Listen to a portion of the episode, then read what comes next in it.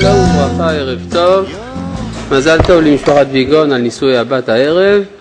אה, אנחנו ממשיכים בלימוד הספר הקדוש בראשית, מאת הקדוש ברוך הוא, על ידי משה. אה, אנחנו בפרק אה, י"ז.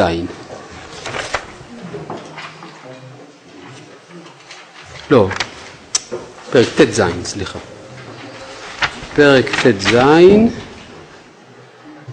לא, אפילו לא. פרק ט"ו, פסוק י"ח. כמה טעויות אפשר לעשות פעם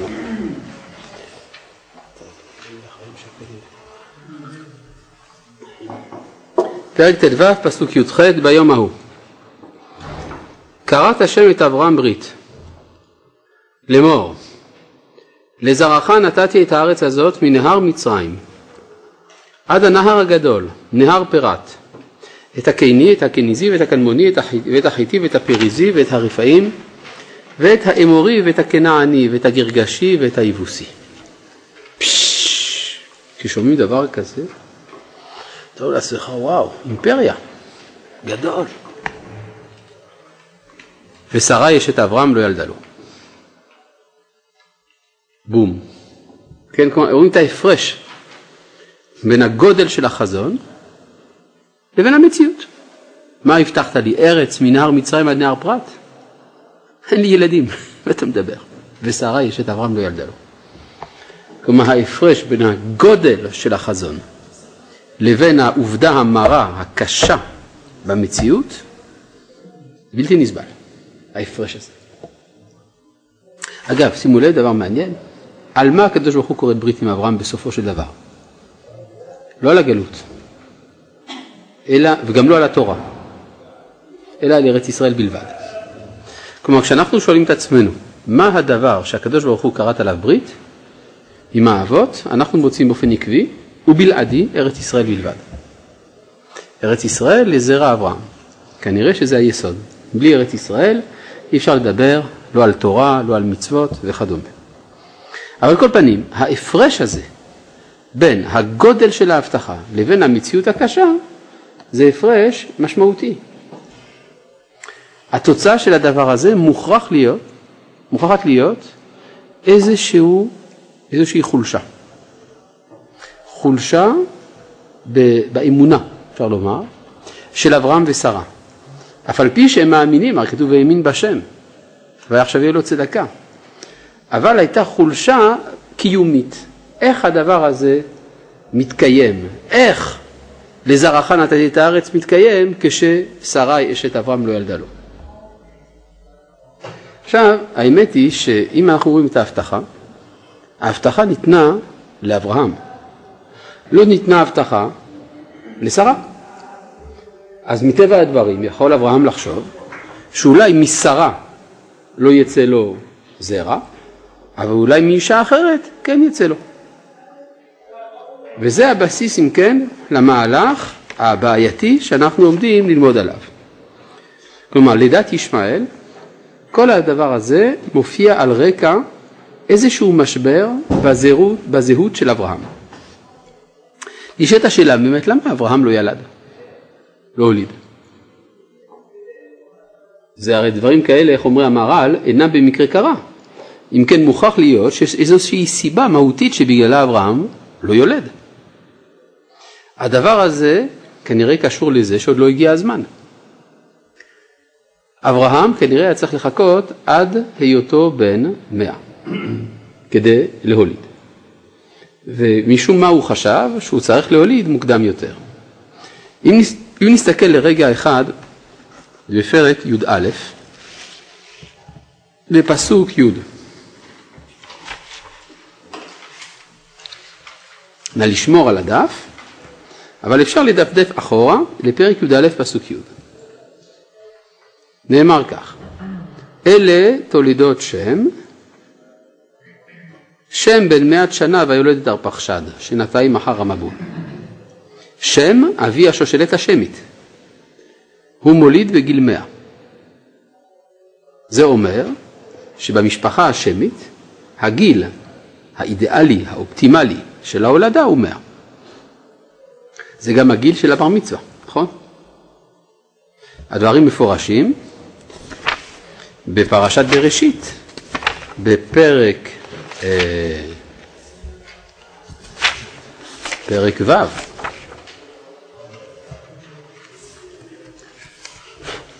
בפסוק, אה, פסוק ל"ב. לא, סליחה, פרק ה', פסוק ל"ב. איך התבלבלתי.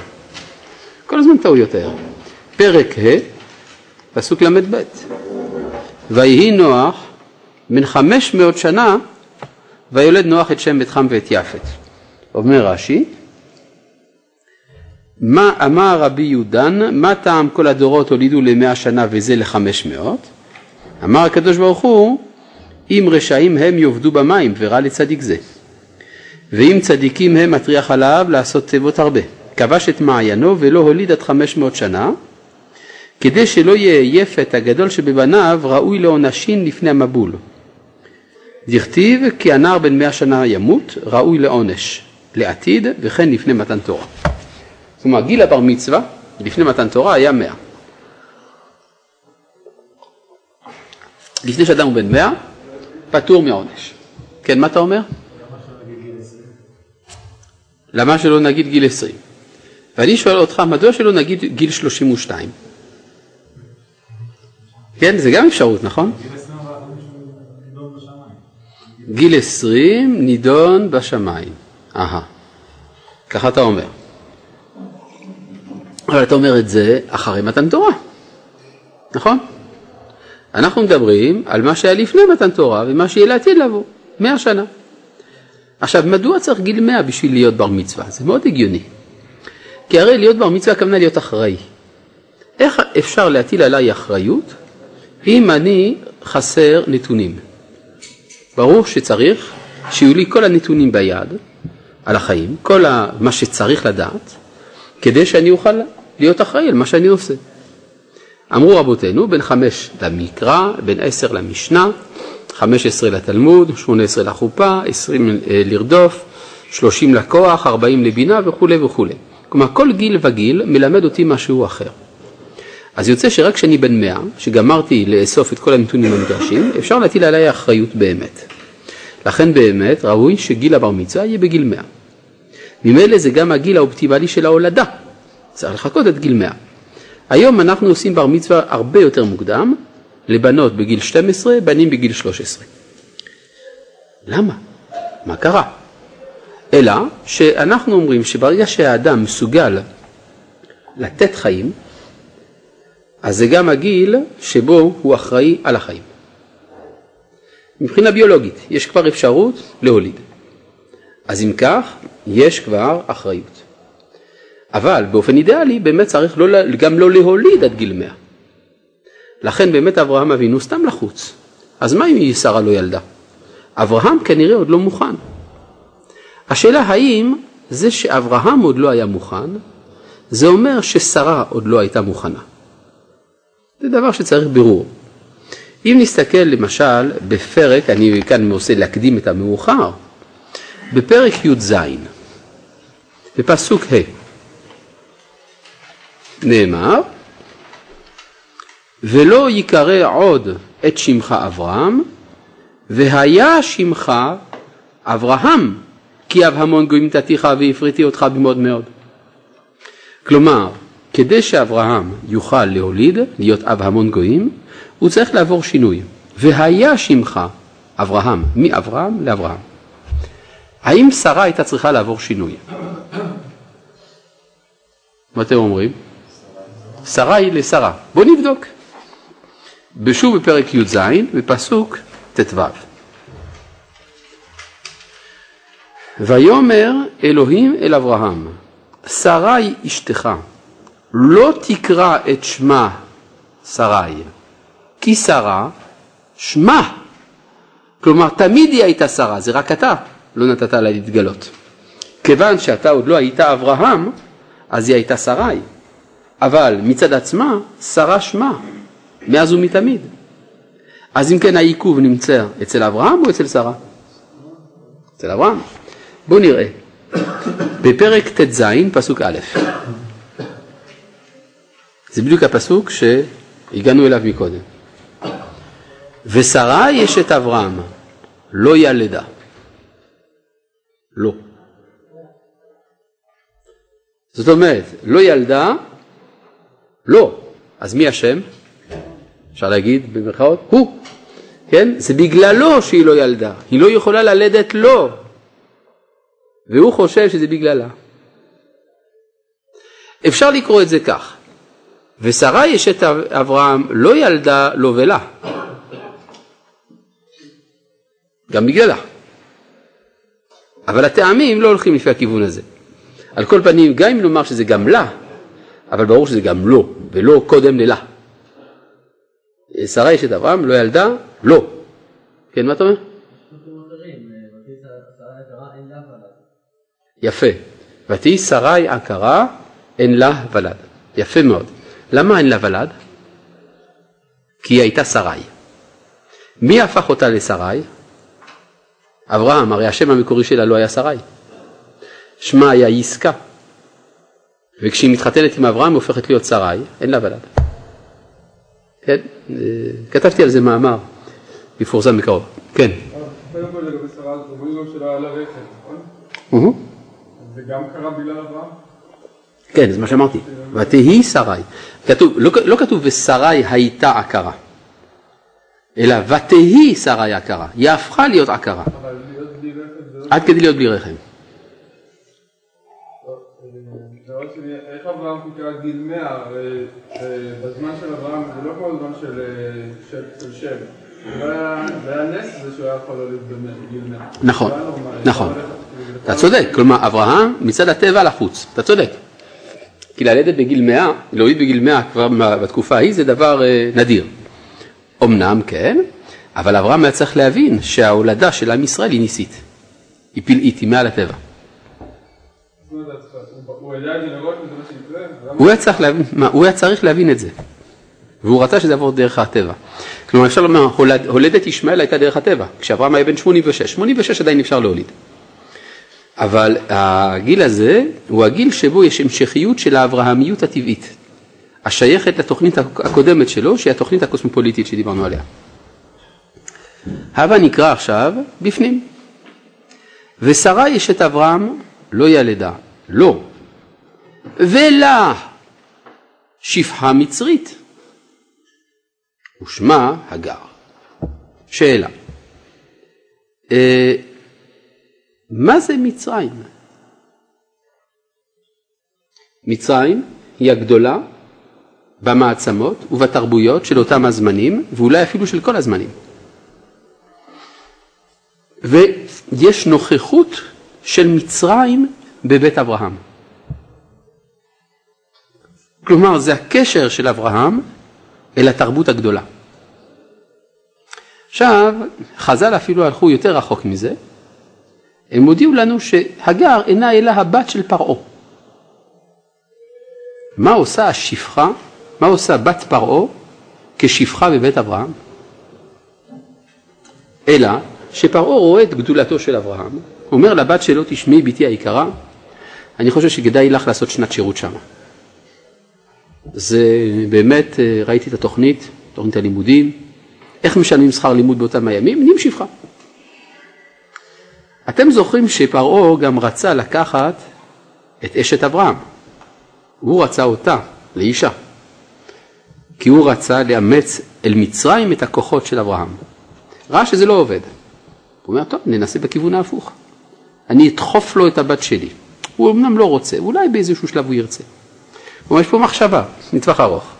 אולי מצרים היא תהיה יסוד הפריון של עם ישראל. ויש פה באמת שאלה, האם באמת בעיני אברהם זה יותר טוב או פחות טוב? בואו נראה את הדברים. ותאמר שרי אל אברהם, הננה, עצרני השם מלדת. כלומר, היא מייחסת את זה, בטעות כנראה, אל עצמה. החיסרון הוא בשרה, לפי שיטתה. ואז צריך לדאוג לזה שלפחות מה שאברהם מייצג בעולם לא ילך לאיבוד. בוא נאל שפחתי אולי ייבנה ממנה. וישמע אברהם מכל שרי. מה פירוש אולי ייבנה ממנה? אולי על ידי שהיא תלד, גם אני אפקד. בשני אופנים, או בגלל עצם מעשה החסד, שהיא עושה חסד כזה גדול עם הגר, לתת אותה בחיקו של אברהם, או בגלל שהיא סבורה שהיא תאמץ את הילד, והרבה פעמים ילד מאומץ גם מביא לפקידה. כן, זה ידוע, תופעה מפורסמת עד עצם היום הזה, זוג מחוסר ילדים, מאמץ ילדים, ואז גם האישה נפקדת. מה אתה אומר? אני חושב אולי אה, שרה הייתה נביאה מאוד גדולה, והשפחה הייתה שלה, לא של אברהם. ויכול להיות שהיא ראתה בנבואה שצריך לצאת קליפתו של אברהם החוצה בדמות אה, ישמעאל. אתה אומר שהיא עושה את זה אולי בנבואה. כן. היא עושה את זה מתוך כוונה. יש לי הוכחות שלא, שזה לא מנבואה. כן? יש. מה יש לך הוכחה שכן, שמה? הוא ישמע גם לקול שרי, כמו שאמר שמע בקולה. כן, רש"י כותב, כל שרי, פה, כתוב ברש"י, לרוח הקודש שבא. נכון? הבעיה היא שדווקא אנחנו רואים שמה שיצא מזה לא הכי טוב, נכון? לכן כששרה אומרת לגרש את, אה, את ישמעאל, אז הקדוש ברוך הוא מתערב ואומר, אה, כל אשר תאמר לך שרה, שמע בקולה. רש"י, לכל רוח הקודש שבא. למה היה צריך הקדוש ברוך הוא שם להתערב? כי אברהם רצה ללמוד לקח מהפעם הראשונה. אם עשינו טעות בפעם הראשונה, לא צריך לעשות בפעם השנייה. אז זה יוצא לפי שמה שכתוב כאן ברש"י, כל רוח הקודש שבא, זה רוח הקודש שמנצנצת בקרבה, שהקדוש ברוך הוא מעוניין באמת שיצא ישמעאל. אבל היא בעצמה כנראה לא יודעת את זה, והראיה, זה בהמשך, כן, בפסוק ה', כן, אנוכי נתתי שפחתי בחקר הרעת ואת גבניה, ישפוט השם ביני וביניך. אז היא מזמינה את השם להתערב, עד אז היא לא הזמינה אותו. והאם השם יתערב כשהיא הזמינה אותו? כן, הוא יתערב, אנחנו נראה איך. על כל פנים, ברור שיש פה איזו כוונה עליונה של ההשגחה, זה אני מקבל. ההשגחה העליונה מעוניינת שישמעאל ייוולד, צריך לברר למה. אבל בואו נראה. אה, בונה אל שפחתי, אולי ייבנה ממנה וישמע אברהם לכל שרי. בפשטות אנחנו לא יודעים שהוא יודע שיש פה רוח הקודש. ותיקח שרי אשת אברהם. מה וכי לא ידענו ששרה היא אשת אברהם? מאוד מוזר. את הגר המצרית שפחתה. מה, וכי לא ידענו שהיא שפחתה? מאוד מוזר. מקץ עשר שנים לשבט אברהם בארץ כנען, ותיתן אותה לאברהם אישה, וכי לא ידענו שהוא האיש שלה? לא, מילה מיותרת לחלוטין, וכי למי נתנה אם לא לא? לאישה. משהו פה כבד מדי, יש פה איזה, כנראה איזושהי כוונה. נראה לומר שבפשטות הייתה אי הבנה בין שרה לבין אברהם מה מעמדה של הגר. כלומר, שרה סברה שהיא נותנת לאברהם את שפחתה, ואברהם הבין שהוא לוקח אותה לאישה. ואז יוצא שהמעמד של הגר לא היה ברור. בואו נראה את זה עוד פעם. ותיקח שרי אשת אברהם, היא אשתו של אברהם. את הגר מצד שפחתה, מבחינתה זו רק שפחה. מקץ עשר שנים לשבט אברהם בארץ כנען. ותיתן אותה לאברהם אישה. לא לפי שיטתו הוא לאישה. כלומר, הוא הבין שהיא לאישה. ויבוא אל הגר וטהר, ותרא כי הרתה, ותקל גבירתה בעיניה, ותאמר שרה אל אברהם חמסי עליך. כלומר, אתה גרמת. יש משהו ביחס שלך אל הגר שגרם לה להקל ראש. אנוכי נתתי שפחתי בחיקך. לא נתתי לך איש, אישה בחיקך, נתתי לך שפחתי. ותראה כי הרעת ויקל בעיניה. היא כבר קיבלה כבר התחלה של אוטונומיה, יש לה אוניברסיטאות, רשת חינוך, רשת בריאות, ויקל בעיניה. ישפוט השם ביני וביניך. כלומר פה היא דורשת בירור על פי מידת הדין. האם אברהם יודע משהו במידת הדין? הוא בקיא במידת החסד, הוא מבין בזה, אבל מידת הדין זה לא, ממש לא, לא הקטע שלו. שרה דווקא כן. אומר אברהם לשרה, טוב, אם את מדברת על מידת הדין, אני לא מבין בזה. ויאמר אברהם אל שרה, הנה שפחתך בידך, עשי לה הטוב בעינייך, את תבררי את זה. ותענה השרי, ותברח מפניה. איפה ישפוט השם פה? היא ביקשה ישפוט השם. איך השם שפט? בפסוק הבא, וימצא מלאך השם.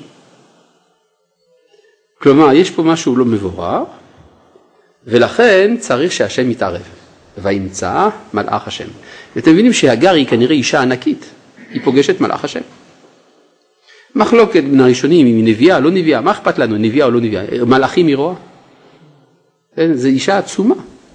לא בכדי סבר אברהם שאיתה הוא יוכל לבנות. וימצא מלאך השם על עין המים במדבר, על העין בדרך שור. ויאמר, הגר, שפחת שרי. למה הוא אומר את זה? שהיא תדע שהיא השפחה. אי מזה בת ואנה תלכי. מה זה השאלה הזאת? כן?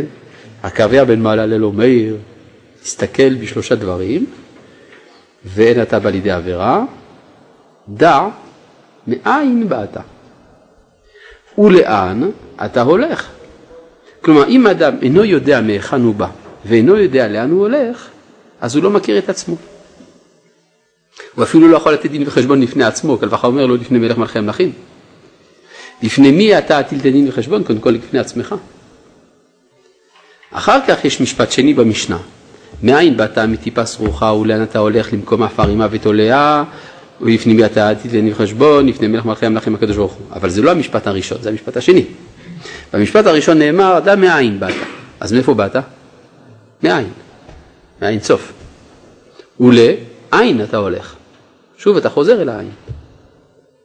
ולפני מי, כלומר לפני עצמך, אתה עתיד לדין וחשבון. לכן אומר המלאך לשרי, את לא יכולה להצליח כל זמן שאת לא מבררת מי את.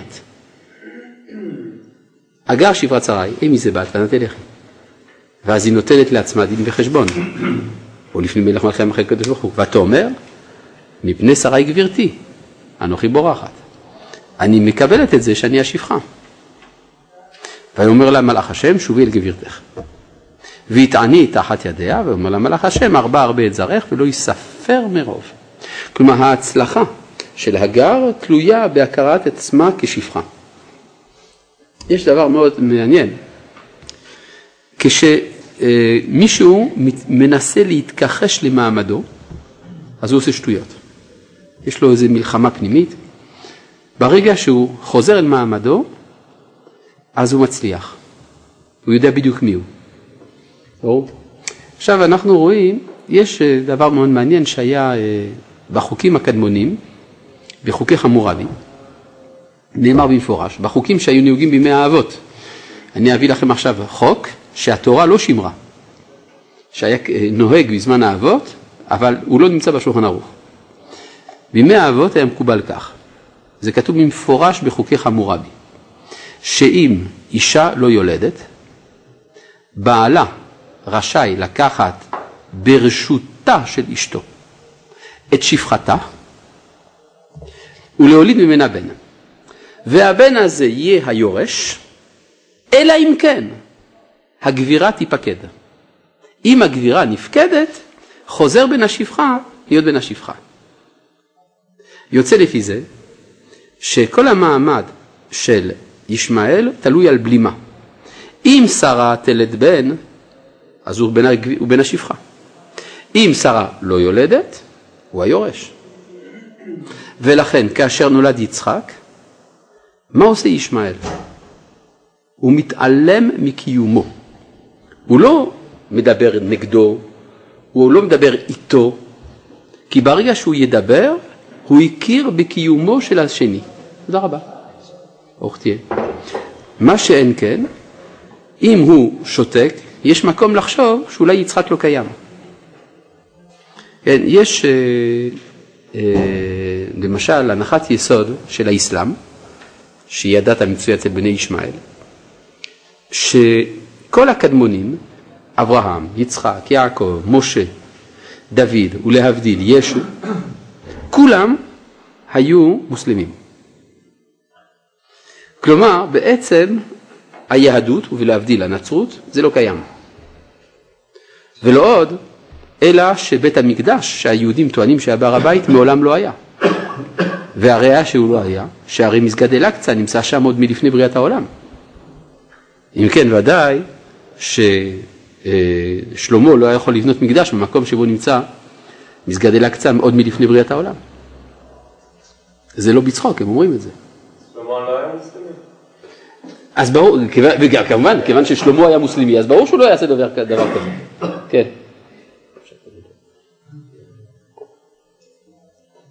כן, זאת, יש, אה, ולכן צריך לידעת שאברהם עקד את ישמעאל במכה. כן, יש כל מיני דברים כאלה. כלומר, איזו מחיקה של ההיסטוריה. זו התכחשות לקיומו של בן הגבירה. יש אה, רשע גדול בשם עזמי בשארה, יימח שמו וזכרו, שפעם היה אה, חבר כנסת, והוא התראיין על ידי עיתונאי ישראלי. כלומר, אדם שלא יודע שום דבר מהחיים שלו בתרבות כללית, זה כמעט זה, והוא אמר לו, עזמי בשארה אומר לו, חבר כנסת, הוא אומר, ברור שעם ישראל זה לא דבר שקיים, זה המצאה של הציונים. אז העיתונאי בהלם טוטל, הוא לא ידע בכלל שחושבים דברים כאלה, אבל מה פתאום, יש דבר כזה, המסר, לא, מה פתאום, כולם יודעים שזה המצאה. חשב העיתונאי שחבר הכנסת השתגע, הוא לא הבין שהוא בעצם מבטא פה עמדה עקרונית. בן, הגב... בן השפחה איננו מוכן להכיר בקיומו של בן הגבירה. על פי חוק קמאי של האנושות. חוקי חמורבי. מובן? כן.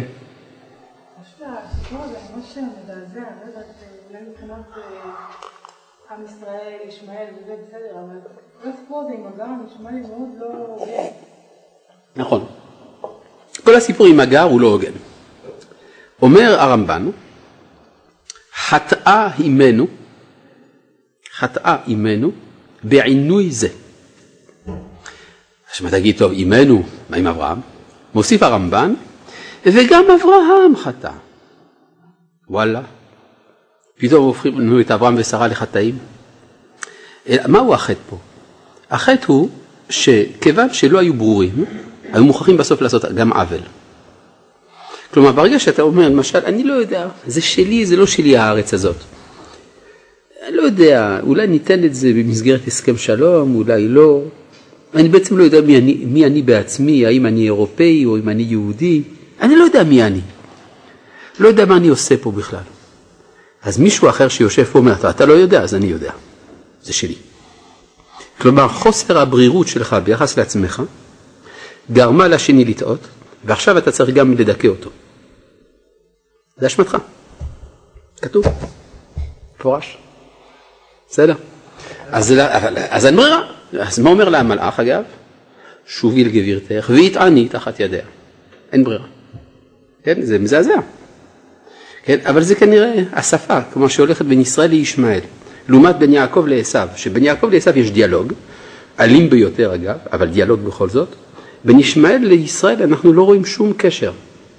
גם במהלך הדורות מעולם לא היה דיאלוג יהודי מוסלמי. מפתיע, אבל עובדה, כן.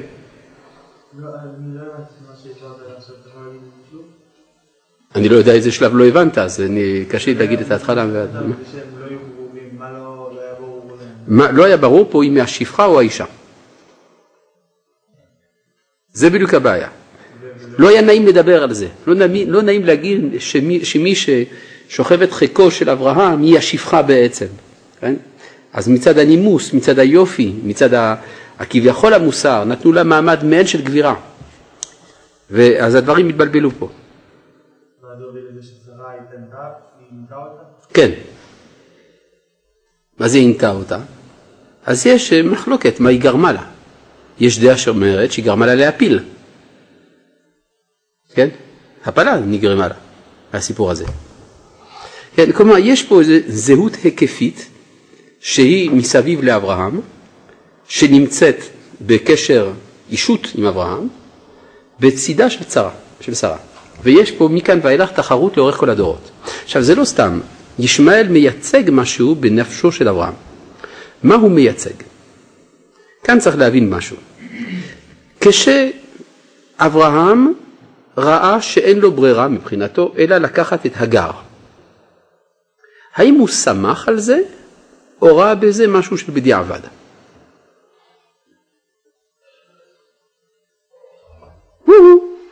מבחינתה של שרה ברור שזה היה בדיעבד. הננה אני השם מלדת, בוא אל שפחתי, אין ברירה. מה? הוא, אתה אומר, שמח, למה? כי היא מצרית. הוא אומר, סוף סוף הקדוש ברוך הוא נתן לי את הדרך. עד עכשיו חשבתי, כלומר עד עכשיו, בהתחלה היה הרי מאבק בין שתי תוכניות של אברהם. התוכנית הקוסמופוליטית שאברהם הגה בעצמו, שבגללה הוא לא צריך בכלל שיהיה לו זרע, הוא אפילו לא צריך שתהיה אומה שתצא ממנו, כי הוא הרי הוא רוצה לתקן את העולם כולו, בלי הבדל אה, אומה לפחות, בין אומה לאומה. אבל הקדוש ברוך הוא אמר לו, אני רוצה לעשות ממך גוי גדול. אומר אברהם, אוי אוי אוי, מה זה הגזענות הזאת, לא רוצה. בסוף הקדוש ברוך הוא אומר לו, אתה לא מבין, ככה אברהם מבין שזה המסר, תיקח את המצרייה. אה, מצרייה, נפלא. זאת אומרת שהאומה שאני אקים, עם הסגולה שאני אקים, זה יהיה מתוך שיתוף פעולה עם הגדולה בתרבויות. אם כן, זאת, זאת סינתזה מוצלחת בין שתי התוכניות. לכן מבחינתו של אברהם, הוולד של הגר הוא היצור המובחר, זה מה שהוא רוצה. לא רוצה את יצחק, כן? אה, שהיא אה, שהיא לא חשבה שאלוהים מה קרו אותי בגלל אברהם, הדבר הזה לא היה לא היה צריך להיות שיקול. כן היה שיקול, אני אגיד לה. שרה כן חשבה שזה, שהיא צריכה להיות זו שמולידה את העם סגולה. היא אומרת, אבל מה, אני מידת הדין. לעומת אברהם שהוא כולו מידת החסד. אני אעשה מעשה של חסד, זה ימתיק את הדין. זה המטרה שלה. הבעיה היא חושבת שזה היא. כלומר, למה שרה חשבה שהיא צריכה לתת את הגר? כי היא חשבה שהיא בבעיה. הצרה אני השם מלדת. הכתוב מודיע לנו שזה לא נכון. כן? ושרה אשת אברהם לא ילדה לא, והיא חושבת שזה בגללה. זה הבעיה. כן. האסלאם אה, מייצג בעצם את הדעה השנייה של אברהם. כן, כן, כן, ברור. וזאת אומרת ש- המיסיונריות שלה כאילו, זה שהיא מנסה לא- להשתלט על כל העולם אולי? לא בדיוק מיסיונרית, קוראים לזה ג'יהאד בעברית. אבל אה, אה, כן, האסלאם מייצג את הכוונה הראשונה שהייתה לאברהם, להביא את ייחוד השם לעולם כולו, בלי לעבור דרך הנוסחה הלאומית. בסדר? אז אם כן, יש פה אה, פלונטר רציני מאוד. בואו נראה. אה, ויאמר לה מלאך השם, פסוק ט'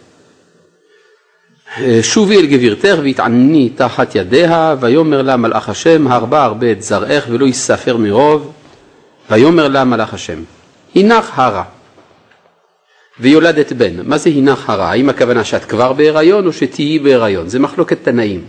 האם היא הפילה מפני העינוי של שרה או לא. וקראת שמו ישמעאל, כי שמע השם אל עונייך. והוא יהיה פרא אדם. מה זה פרא? זה לא חמור, זה חמור בר. מה ההבדל בין חמור לחמור בר? יש הבדל עצום. מה? חמור, חמור הבר, דהיינו הפרא, לא ניתן לביות. לא הצליחו אף פעם לביית אותו. כלומר, זה מי שהחירות חזקה אצלו. כן? אז זה בדיוק הניגוד לשפחתיות של אמו. כלומר, הוא מבטא חירות, והחירות היא למודת המדבר. כלומר, מי שחי בחברה הציוויליזציונית מפתח שעבודים. מי ששוכן במדבר הוא כמו סופה. כן? קול קורא, לנדוד, לנדוד. וזה הכוונה שהוא פרא. כלומר, הוא מבטא את הצד החירותי שבנפש האדם. פרא אדם. זה מעלה עצומה. ידו ממילא, ידו בכל ויד כל בו. יש לו יחס אל הכל, כי אין לו ספציפיות, כמו הנווד. מה זה ידו בכל יד כל בו? תסתכלו באונקלוס, והוא יהא מרוד בענשה, כלומר יהיה מורד באדם. הוא יהא צריך לחולה, הוא יהיה צריך את כולם, וידע דבני אנשה יהון צריכין לה. וידי כל בני האדם יהיו צריכים אותו. כולם, הוא צריך את כולם, כולם צריכים אותו. מה? כן, כלומר הוא לא רוצה שום שיעבוד לאף אחד, הוא צריך את כולם, כולם צריכים אותו. בגלל מה? הנפט. אה, כן? צריכים את הערבים בגלל הנפט. אה, כן? לא, לא ידעתי, צריכים את הערבים בגלל הנפט? וואי, לא שמתי לב. מישהו אמר שכדי לדעת את הגבולות של ארץ ישראל לפי ההלכה צריך לבדוק איפה שאין נפט. ואז יודעים, כן. לא, ברור, זה לא סתם. כן, מה אתה אומר? כן, יש שאלה לגבי שרה והגר, ששרה אומרת לאברהם, תיקח שפחה, תיקח שפחה, הוא יכול יש לי את ההבטחה על הזרע, ואחד שכח את הבסוד, ולהגיד אל תגיע בסדר, למרות זאת הוא הלך בדרך האביגידה ולקח שפחה. הוא חשב שיש לו הבטחה על הזרע, ושזה מתעכב בגלל שהוא לקח רק את שרה ולא את הגר. הוא חושב שהעיכוב הוא חטא. כלומר פה הדבר לא ברור, כי אין פה גילוי אלוהי שאומר לו הגיע הזמן או לא הגיע הזמן. מה? שהוא עכשיו קיבל, אה, כי עכשיו הוא קיבל הבטחה. נו, ומי אמר אה, מה? ואם אה, הוא לא, נגיד, לא יישא אישה עד יום מותו, אז למרות כל ההבטחות זה לא יקרה, נכון? הוא נשא אישה והיא הכרה. אז זה סימן שרצון השם זה שהוא ייקח אישה אחרת. אני חושב שגם אני, אם הוא היה בא לי ייעוץ זוגי אצלי, הייתי אומר לו אותו דבר. יש לו הבטחה אלוהית שיהיה לו זרע, לא משרה. מה זה לא הגיוני מה שאני אומר? מה, מה לא הגיוני בזה? אני לא מבין. יש לו הבטחה שזה יהיה משרה? לא. אז, אז אולי זה אומר דווקא שההבטחה דורשת ממנו לקחת אישה אחרת? מה, מה לא טוב בזה? בתור איש אמונה, בסדר, אז יש לו אמונה שהקדוש ברוך הוא נותן לו רמזים שהוא צריך להביא זרע ממישהי אחרת. מה הבעיה באיש אמונה? איש אמונה הוא מאמין שהקדוש ברוך הוא ייתן לו זרע, זה כן. מי אמר שהוא צריך לפעול בגלל שהוא איש אמונה? ואנשי אמונה הם אנשים שפועלים. שנאמר, ואספת דגניך. כן? מה פתאום, הקדוש ברוך הוא הרי אמר, אני נותן לך גשם. חכה, תשב בישיבה, הלחמניה תגיע עד השולחן. אם החריש הראשון לא עבד, אם כל הגרעינים הלכו לאיבוד, מה אתה עושה? אתה צריך לזרוע עוד פעם. הקדוש ברוך הוא לא הבטיח שאם אתה תקיים את המצוות הוא ייתן לך לחמניות. הקדוש ברוך הוא הבטיח שאם אתה תקיים את המצוות הוא ייתן גשם. זה סימן שהוא רוצה שאתה תעבוד כדי לקצור. ככה זה עובד. כן. זה נכון שיש הלכה שאם אדם נשא אישה עשר שנים לו ולד יכול לעשות נוספת? כן, מזה למדו את ההלכה הזאת. כן, כן, כן. טוב. זה בכלל כלל גדול ביהדות שהקדוש ברוך הוא מעוניין בשיתוף הפעולה של האדם ולא בפסיביות שלו. כלל גדול. טוב. אמ, והוא יהיה פרא אדם, ידו בכל ויד כל בו, ועל פני כל אחיו ישכון. ותקרא שם השם הדובר אליה אתה אל רועי, רועי, זה נכון? כי אמירה הגם הלום ראיתי אחרי רועי, שהיא הייתה רגילה לראות מלאכים בבית אברהם, והיא מתפלאת שרואה גם במדבר. זאת אומרת כאן כל הבקשה של שרה, של ישפוט השם ביני וביניך, התקיים, התקיימה, הקדוש ברוך הוא התערב ודיבר עימה. אגב, כמה פעמים הקדוש ברוך הוא מדבר עימה? ארבע. ויאמר לה מלאך השם, ויאמר לה מלאך השם, ויאמר לה מלאך השם. אי אפשר להגיד פעם אחת. אולי אחר, זה כל פעם מלאך אחר, כן חז"ל אומרים, מה, זה כל פעם מלאך אחר? מה אי אפשר ל- לגמור משפט? ש... כי לא יודע, מלאך אומר חצי משפט, ואופס, נעלם, מלאך אחר ממשיך.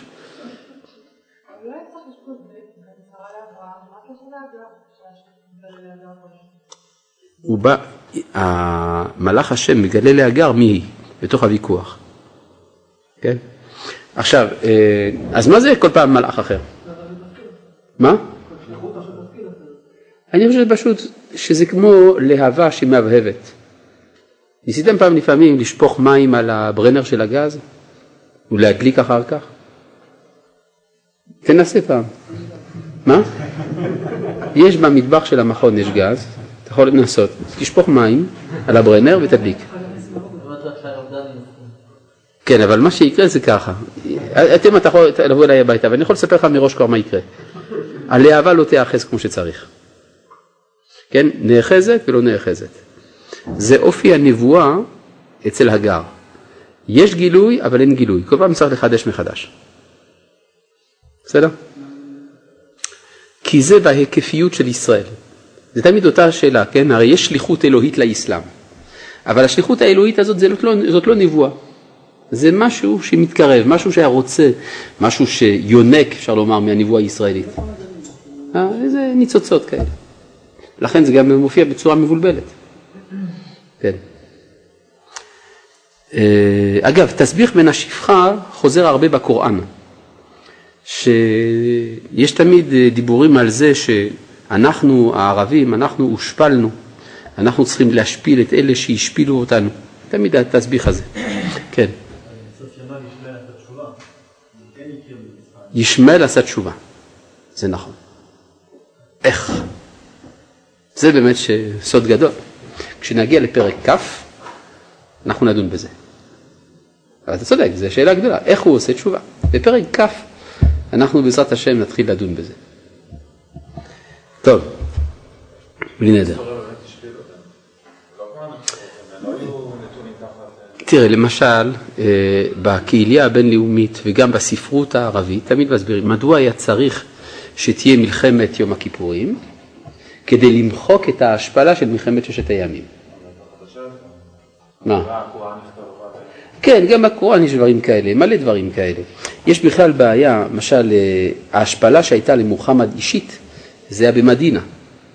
כשהוא הגיע אל היהודים כדי למכור את האסלאם, והוא התחיל לדבר והם צחקו. וכיוון שהם צחקו הוא נהיה אנטישמי. כן, זה, זה, הם מספרים את זה, זה לא...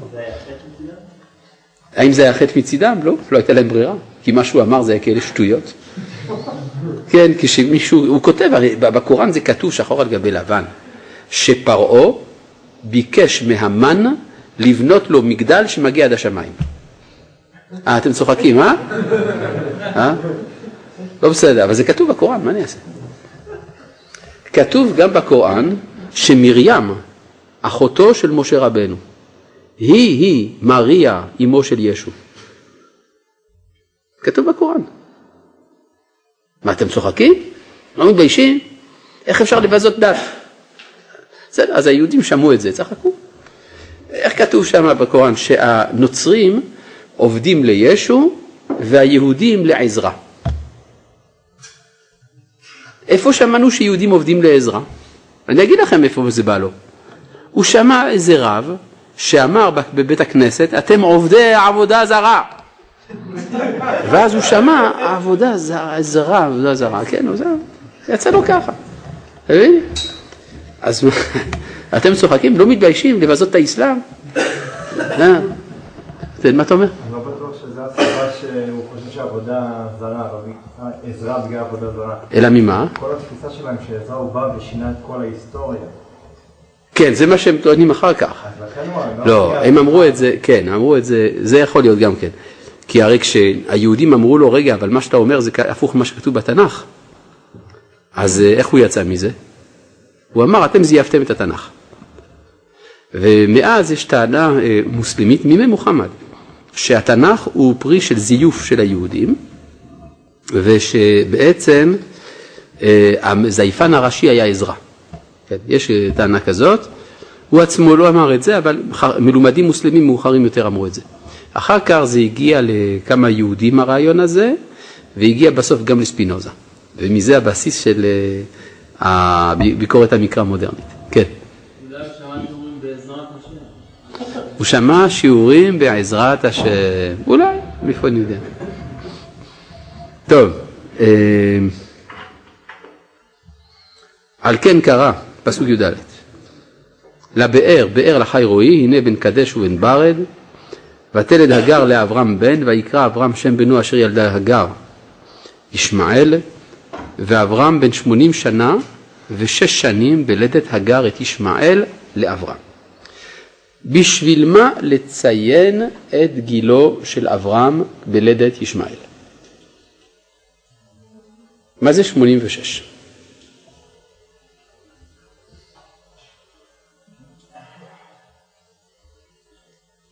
מה זה 86? פעם ראשונה? לאסלאם, אה, מה זה 86?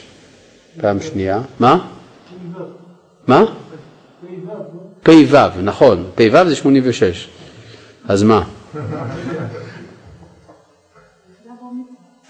אלוהים בגימטריה 86, נכון? זאת אומרת, זה המדרגה הטבעית. מי זה אלוהים לפי התורה? זה מי שברא את הטבע. בראשית ברא אלוהים. זאת המדרגה הטבעית של אברהם. מצד הטבע הוא מוליד את ישמעאל. כשהוא מתעלה מעל הטבע, מגיע לגיל 100, הוא מוליד את יצחק. מובן? זה ההבדל. זאת אומרת המדרגה הטבעית, וזה מה שאמרת, שהיה צריך שקליפת ישמעאל תיפרד מאברהם. כלומר, מה זה קליפת ישמעאל נפרדת? הכוונה שצריך לתת מקום לממד הזה של הנפש של אברהם, שיקבל את ההופעה הספציפית שלו. וה, כן, שיוליד את ישמעאל. על פי, מי אדמר הדין? אמרתי על פי הטבע. כן. אה, ואז הוא יכול ללדת את יצחק אבינו של מידת הדין. כן, ודאי, ודאי. כלומר, צריך לתת למקום לחסד של טומאה לצאת, ואז הוא יכול להוליד את מידת הדין של, של יצחק. יפה. וגם אנחנו לומדים מה החסד של התנועה. זה הגניבה, ברור, ברור, ברור. כן. אז זאת אומרת שאחרי שאברהם הוא בן 86, אז שימו לב, במשך 14 שנה, הוא מאוד מאוד אוהב, או נגיד 13 שנה, הוא מאוד אוהב את ישמעאל. הוא רואה בו את, ה- את, הנס, את הנושא של כל התקוות שלו. כלומר, יש לו 13 שנה מאושרות, שבהם הוא אומר, סוף סוף הקדוש ברוך הוא הבין אותי, הוא נותן לי להקים את עם הסגולה, מתוך שיתוף פעולה עם הגר המצרית, הילד הזה, הוא יהיה עם הסגולה. 13 שנה. פתאום, ויהי אברהם בן 90 שנה ותשע שנים, וירא השם אל אברהם ויאמר אליו. ואז הוא יתחיל להסביר לו כל מיני דברים, ששאלה גדולה היא איך אברהם יגיב אליהם. בואו נראה. וירא השם אל אברהם. ויאמר אליו, אני השם. אה לא. אני אל שדי. לא מבין. אם זה השם שנראה, שיגיד אני השם. למה הוא אומר אני אל שדי? יתהלך לפניי ואהיה תמים, ותנה בריתי ביני וביניך וארבה אותך במאוד מאוד, ויפול אברהם על פניו, וידבר איתו אלוהים לאמור. פה לא מובן שום דבר. בהתחלה השם נראה, והוא אומר לו, אתה יודע, אני אל שדי, שזה הרי לא נכון לכאורה, אבל זה השם. ואז מי מדבר איתו? אלוהים. בלבול מוחלט. כן, זו התשובה. אבל קודם כל אנחנו רואים פה שיש מעברים. עד עכשיו אברהם בעצם היה נאמן לאלוהים, לכן גם הוא הוליד ילד בגיל 86, כגמטריה של אלוהים. השם דיבר איתו, אבל הוא אף פעם לא פעל בפועל לשנות את הטבע. נכון? כאן הקדוש ברוך הוא רוצה לשנות את הטבע, הוא רוצה שאברהם בן מאה יוליד, ששרה בת 90 שנה תלד. נכון? אז יש פה לראשונה השם שמתגלה ממש. אבל כיוון שאברהם עוד לא ראוי לזה, כיוון שהוא עדיין ערל, לכן אומר לו הקדוש ברוך הוא, אני מי שרוצה להופיע דרכך. איך קוראים לשם השם הרוצה להתגלות? אל שדי. אל שדי זה אלוהי ההבטחות. זה לא השם. המקיים את הבטחתו. כן.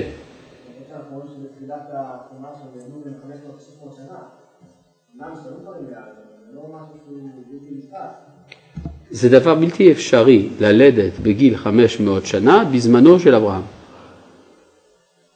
נכון? ולכן פה נדרש נס. עכשיו, כשהקדוש ברוך הוא בפועל עושה נס, הקדוש ברוך הוא נקרא השם, י"ק ו"ק. אבל עוד לא נעשה הנס, הוא בדרך להיעשות. זה אל שדי. כשאברהם שומע את זה, הוא נופל על פניו, הוא לא יכול לשאת את הגילוי הזה. לכן בינתיים מדבר איתו אלוהים. ואז לכל אורך הפרשה אלוהים מדבר עמו, עד פרק י"ח, פסוק א', אחרי שאברהם עושה ברית מילה, וירא אליו השם. מה אתה אומר? איך קשור אל שדי להבטחות? אה, רש"י אומר, והפירוש הידוע זה שדי בלקוטים, וזה איך קשור להבטחות לא מקוימות. אני אל שדי פרא ורבה. כל מקום שבו יש כוח ההולדה, כתוב אל שדי. שזה, שאמר לעולמו די ואמר לאלהותו די. כלומר, נקודת המפגש בין המוחלט לבין היחסי. אבל זה צריך הרחבה קצת, מה המשמעות המדויקת של אל שדי, ואת זה בעזרת השם נעשה בפעם הבאה. שלום.